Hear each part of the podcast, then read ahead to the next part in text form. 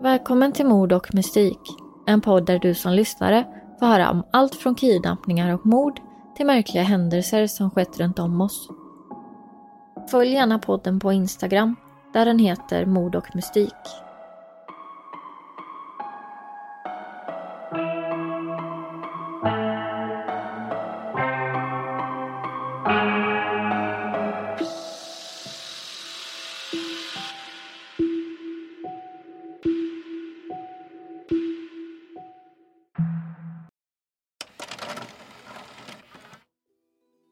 Pappa sitter med sin son på en restaurang.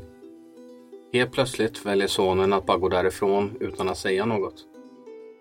En stund senare kommer hans mamma tillbaks med sonen till restaurangen då han valt att promenera hem till henne. Kort därefter lämnar han dock restaurangen på nytt. Mamman blir orolig över sin sons märkliga beteende och ringer för att rådfråga polisen om vad hon ska göra.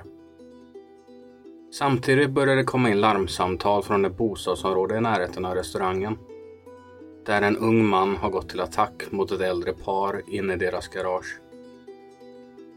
När de första poliserna anländer till platsen hör de morrande och andra ljudläten. Och när de tittar in i garaget ringer de direkt efter förstärkning. Detta är berättelsen om Austin Haroff.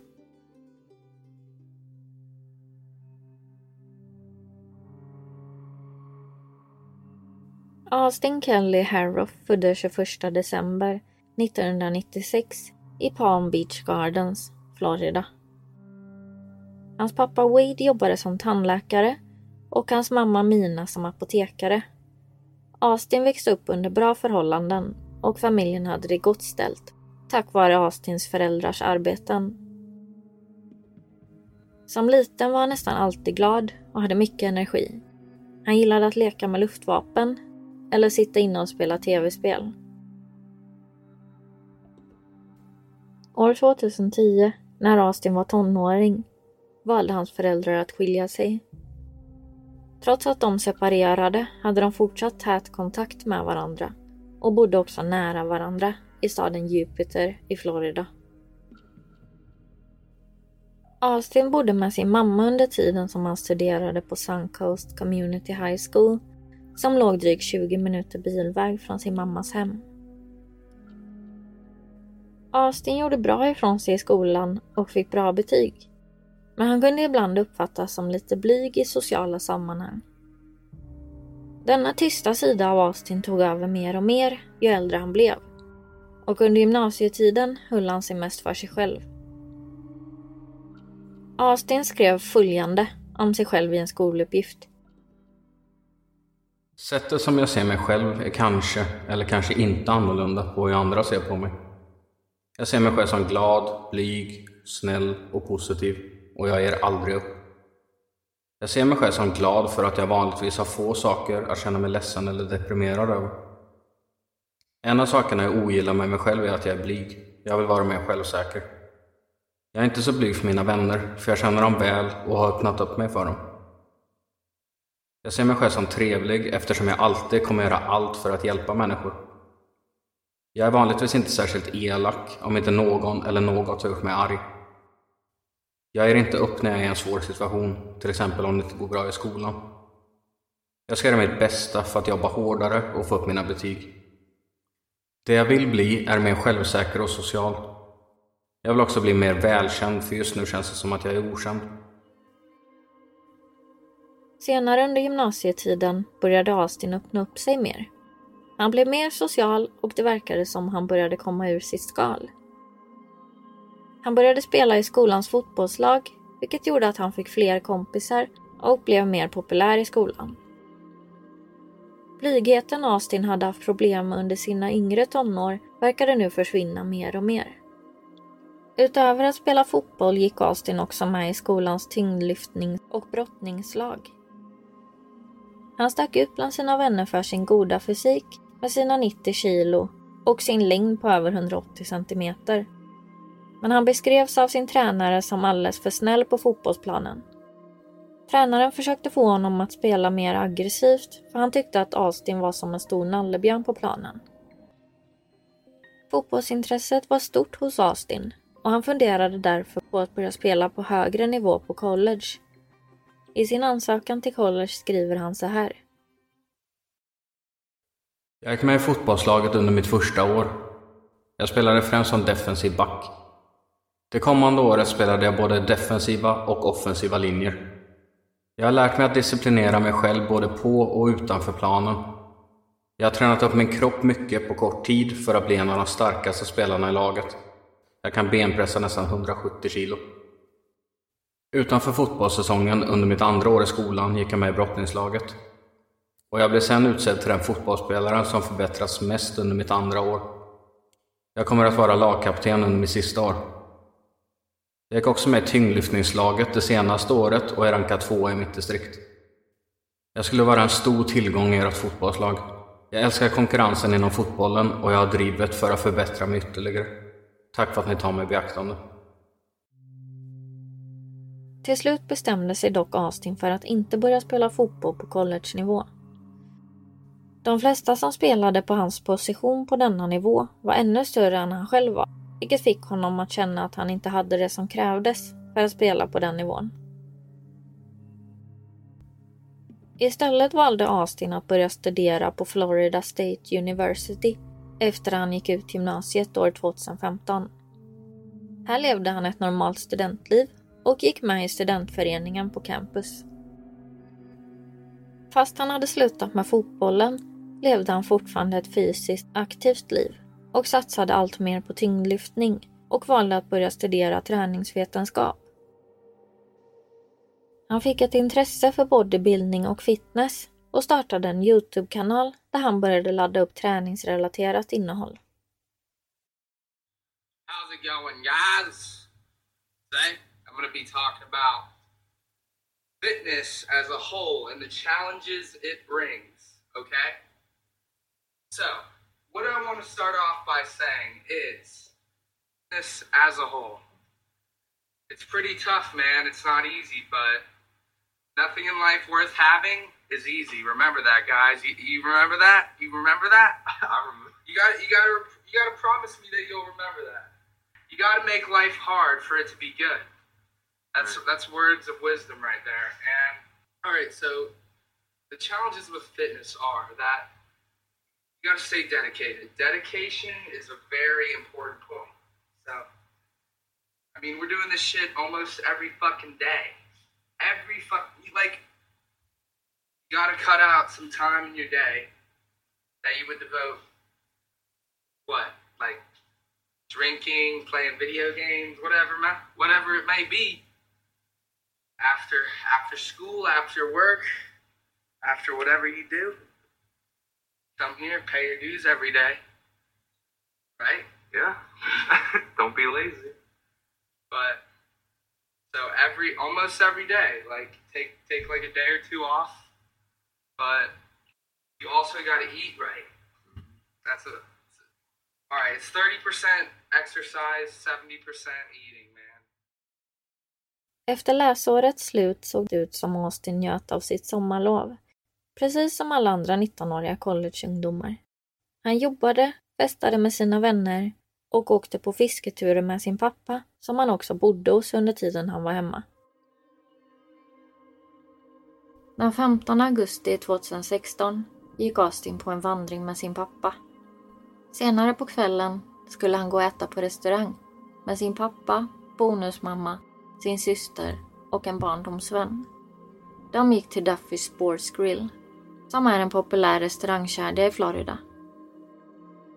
Vid middagen tyckte Austins anhöriga att han inte verkade vara sig själv. Plötsligt under middagen reste han på sig och lämnade restaurangen utan att säga något. Han gick drygt tre kilometer hem till sin mamma som valde att köra tillbaka honom till restaurangen där hans anhöriga fortfarande var kvar. Astins pappa blev upprörd av Astins märkliga beteende och tog tag i honom och frågade vad han höll på med. Astin skrattade till men svarade inte. Sen vände han sig om och lämnade restaurangen på nytt. Övervakningskameror från restaurangen visar när han går därifrån. Klädd i en blå pikétröja och en röd Make America Great Again-keps. Hans mamma blir orolig för hans säkerhet med tanke på hans konstiga beteende och väljer att kontakta polisen. Police Department Lunch Recorder, this is Chrissy. Um, yes, I need to. I don't know how to do this. My son, he's um kind of taken off, and I'm concerned about his own safety. How old is he? Acting a little strange. Um, 19. Does he live with you? Yes. What do you mean acting strange? Like he's a little delusional, or like he's acting like Do you have a history of like that or anything? recent. No, this is just like recent um, change that we're noticing. And he was out to dinner with his dad today. He took off, and we're just he was with his sister, and he says, you know, he feels immortal and like a superhero. So I'm just I don't know what's going on with him. Do you know if he's been taking any drugs or anything like that? Nothing. I've asked, and nothing Mhm. recent, right? That uh, I know of. So did he leave the house or did he leave from the restaurant? Where's he last From seen the restaurant. Which deputies is that? Um, by I-95. What city though? We dispatched for five. Jupiter, I'm sorry. Hold on. You know, he wants to help everybody. He's headed, well, last scene was going towards Island Way, like going towards north, north of Church Street. How long ago was this that he left? I want to say 10 o'clock. That's not 9.30. Has he left on foot? Nobody, yes. He had no ID on him, his, um, no phone. And he's never done this before? I mean, this is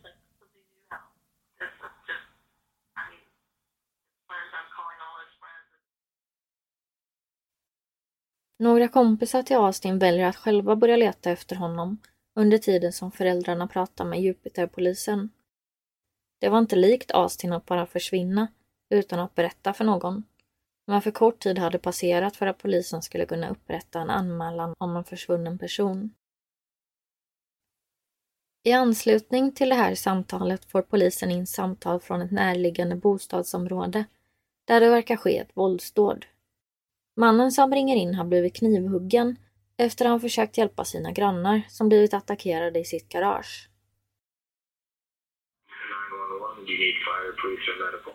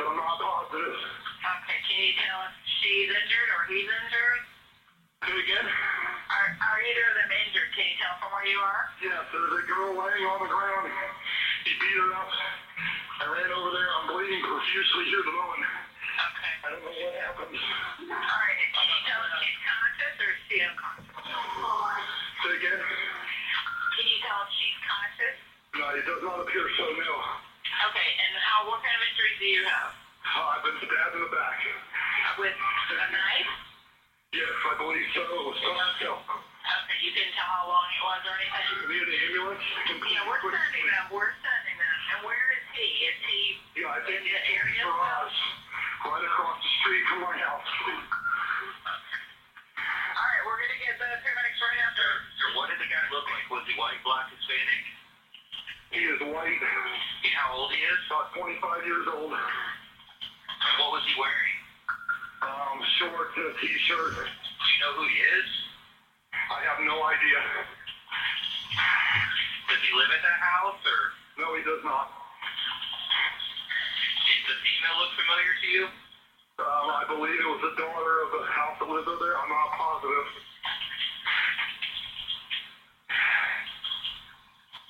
Can you have your wife, or I don't want you me move it if stabbed, but I, can you have your wife or someone look out and see if he's still there? Um, I don't know. See if that car's still there. Um, he, it appears he's still there. And you, you said you, you definitely saw a knife and that's what he hit you with in the back? No, I did not see it. But my wife's looking at my back and it appears I got punctures.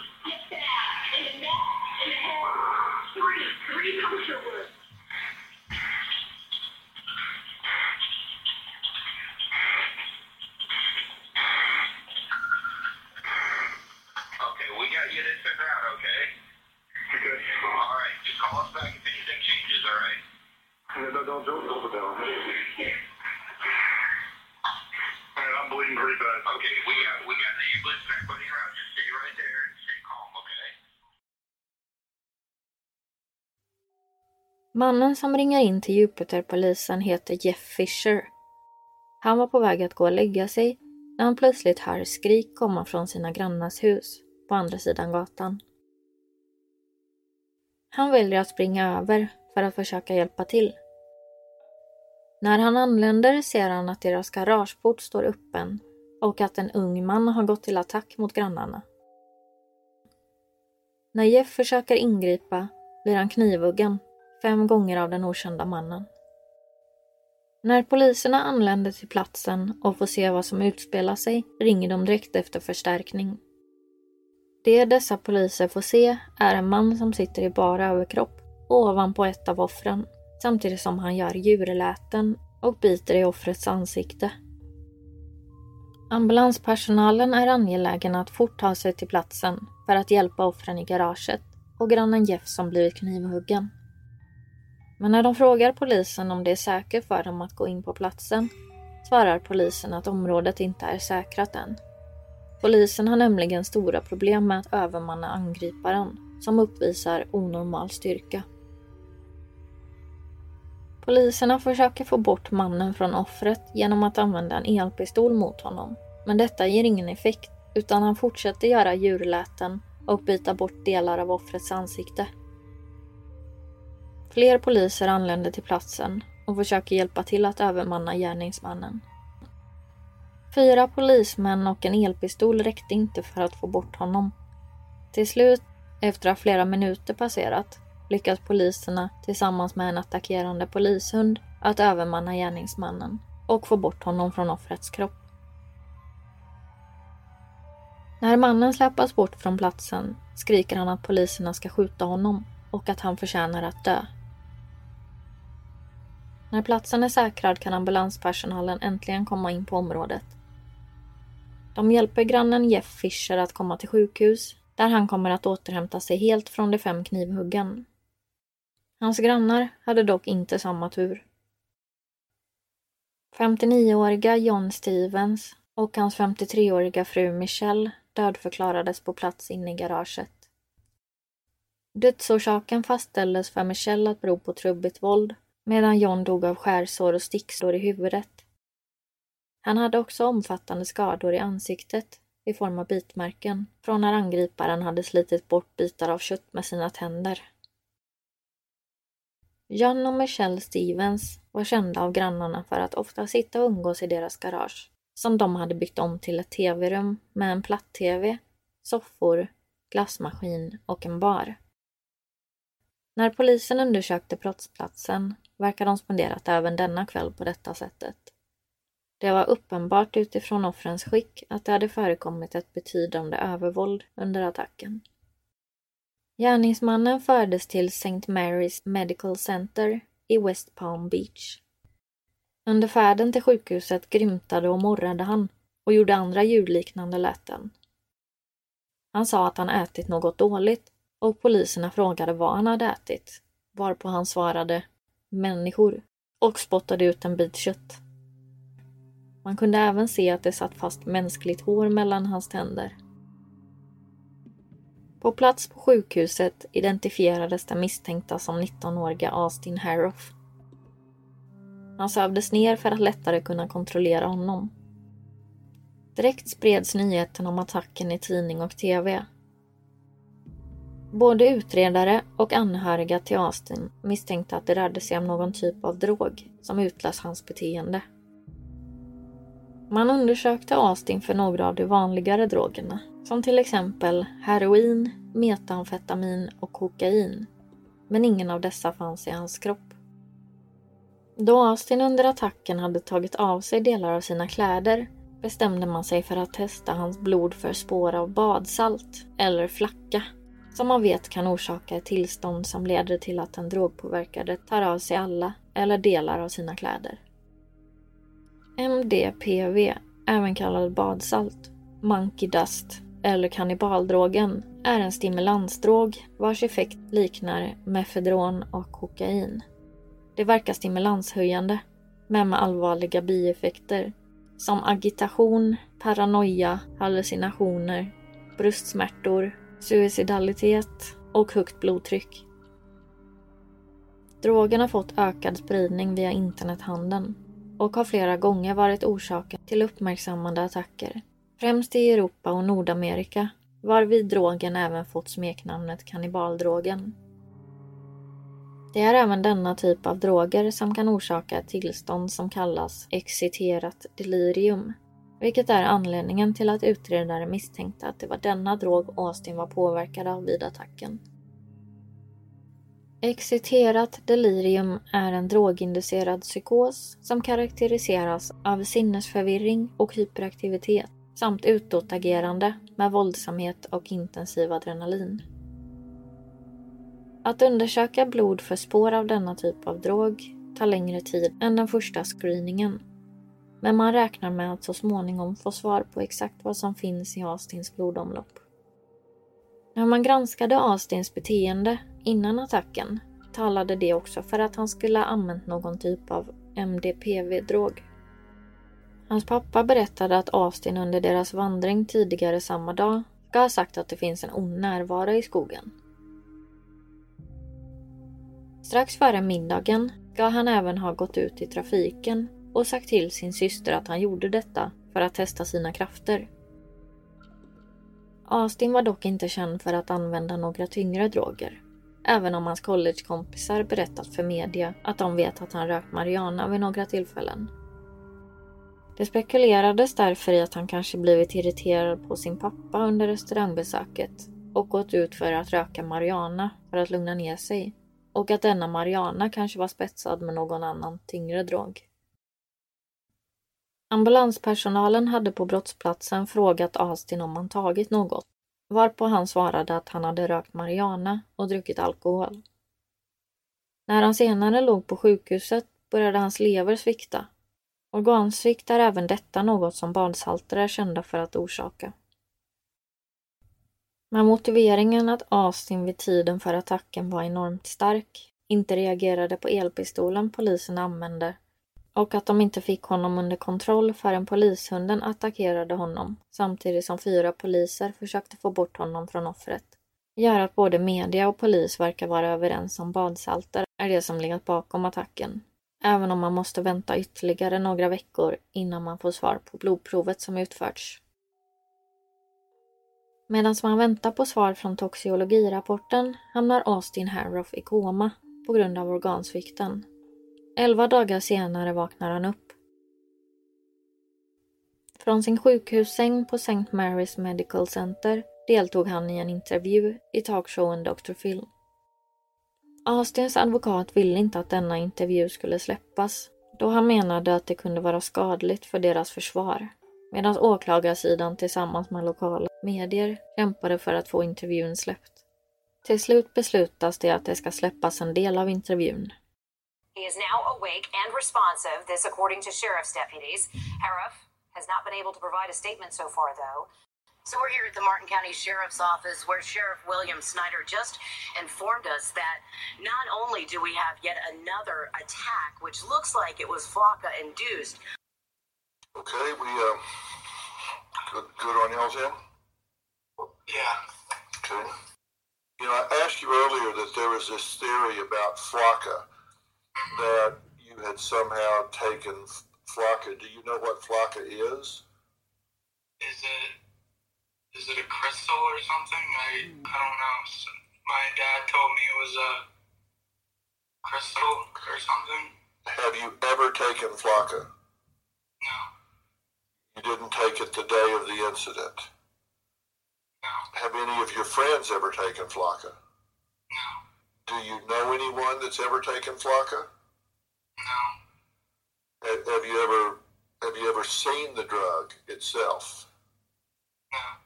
Is there any chance anybody could have slipped that drug into your food or into something you drank or poisoned you with it, contaminated you with it that day?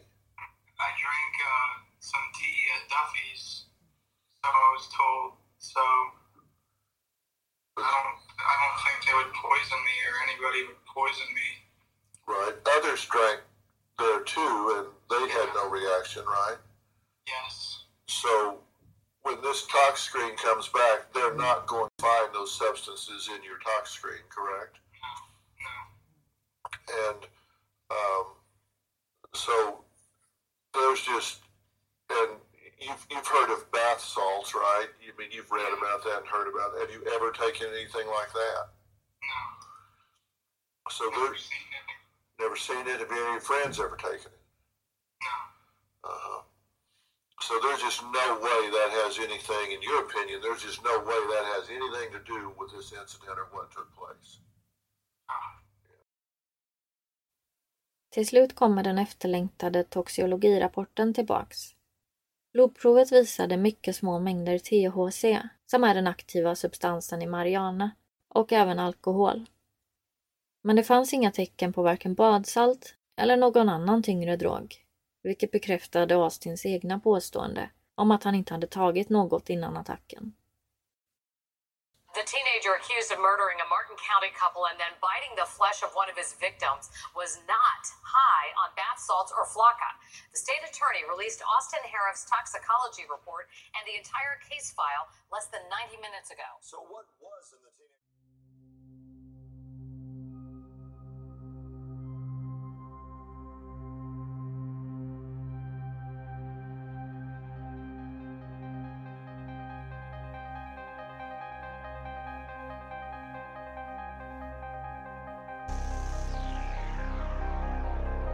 Detta var allt som vi på Mord och Mystik hade att bjuda på denna vecka.